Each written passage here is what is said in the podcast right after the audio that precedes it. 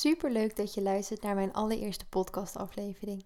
Mijn naam is Evelien en ik begin met deze podcast omdat ik jou als ondernemer wil helpen met het versimpelen van jouw business.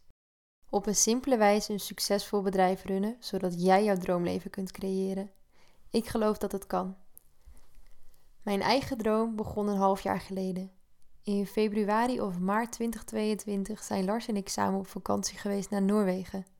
Deze vakantie voelde als thuiskomen. Het is een gevoel dat ik heel moeilijk kan beschrijven. Ik heb het namelijk tot die vakantie nog nooit eerder gevoeld. Ik ben juist iemand die heel snel heimwee heeft en graag naar huis wil als ze ergens is.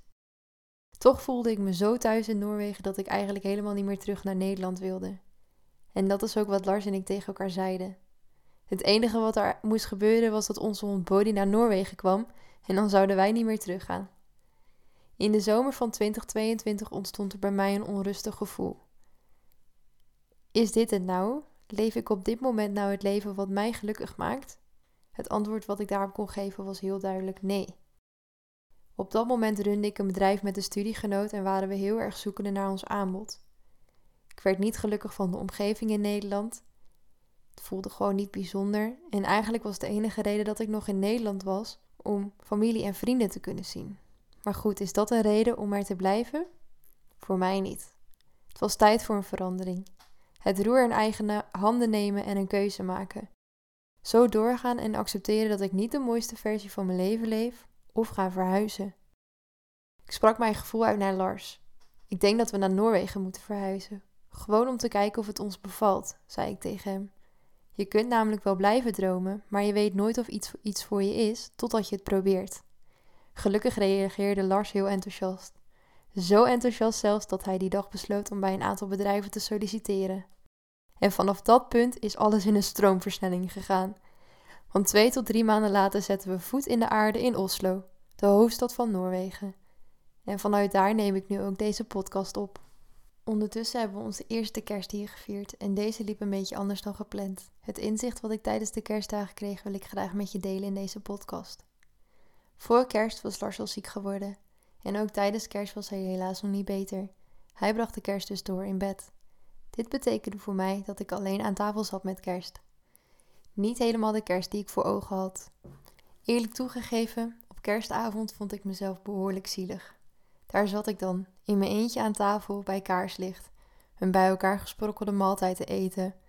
We hadden namelijk grote plannen en ontzettend veel ingekocht. Maar ja, om nou voor mezelf te koken alsof we met drie mensen aan tafel eten had weinig zin. Tijdens het eten scrolde ik wat rond op social media.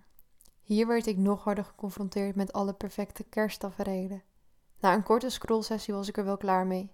Net als met het zielige gevoel trouwens. Want als ik ergens een hekel aan heb, dan is het wegkwijnen in zelfmedelijden. En dus pakte ik mijn notitieboekje erbij en begon ik van me af te schrijven. De volgende dag op eerste kerstdag was Lars helaas nog niet opgeknapt. Dus ook eerste kerstdag bracht ik alleen door. Het enige verschil met de avond ervoor was dat ik nu had besloten dat ik het helemaal niet meer erg vond. En ik deed niet alsof, want het was ook echt zo. Ik was lekker in huis bezig en opeens ervaarde ik een gevoel van vrijheid. Iets compleet anders dan wat ik me de avond ervoor voelde. Het verschil? Ik besloot dat het oké was om op deze manier mijn kerst door te brengen. De enige reden waarom ik er eerst niet oké mee was, was omdat ik het gevoel had dat je met kerst samen hoort te zijn. Maar ja, wie bepaalt dat? Toen kwam het besef dat ik mezelf vergeleek met standaarden die ik mezelf heb opgelegd. Op het moment dat ik besloot dat het oké was om op mijn manier kerst door te brengen, ontstond dat gevoel van vrijheid. Ik had mezelf namelijk de ruimte gegeven. Ik vind het heerlijk om tijd met mezelf door te brengen. Ik ben heel goed in alleen zijn en ik raak niet snel verveeld. Ik besloot die dag lekker te gaan doen waar ik blij van werd. Ik bakte bijvoorbeeld een heerlijke vegan carrot cake, luisterde naar een fijne podcast en las wat verschillende artikelen over duurzaamheid en fashion. Door los te laten wat ik dacht dat ik op dat moment hoorde te doen, ervaarde ik opeens zoveel rust en vrijheid.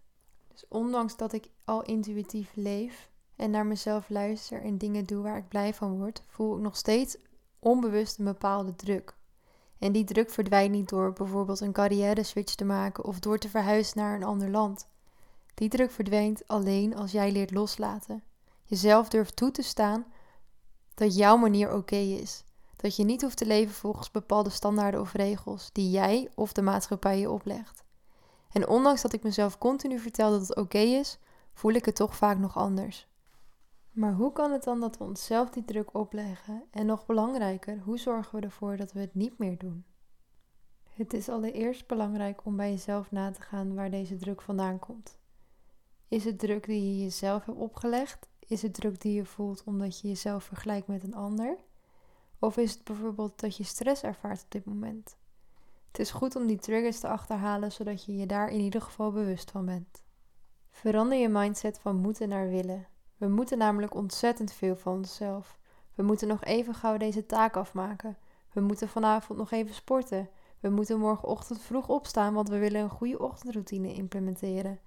Maar moet dat wel allemaal? Vraag jezelf af of datgene wat jij van jezelf moet ook echt is wat jij wil. Dus in plaats van wat moet ik nog doen, vraag je jezelf af wat wil ik doen? Wat wil ik nou echt doen? Waar sta ik achter en wat geeft mij energie? Vergelijk jezelf niet te veel met anderen. Ik wil hier binnenkort een uitgebreide podcast over opnemen. Maar voor nu wil ik alvast zeggen dat door de komst van social media het heel makkelijk is om jezelf te vergelijken met datgene wat je op je scherm voorbij ziet komen. Vaak is dit alleen een vertekend beeld van de realiteit, of in ieder geval niet de volledige realiteit. Op social media worden vaak successen gedeeld, maar niet het pad dat nodig is om het succes te behalen.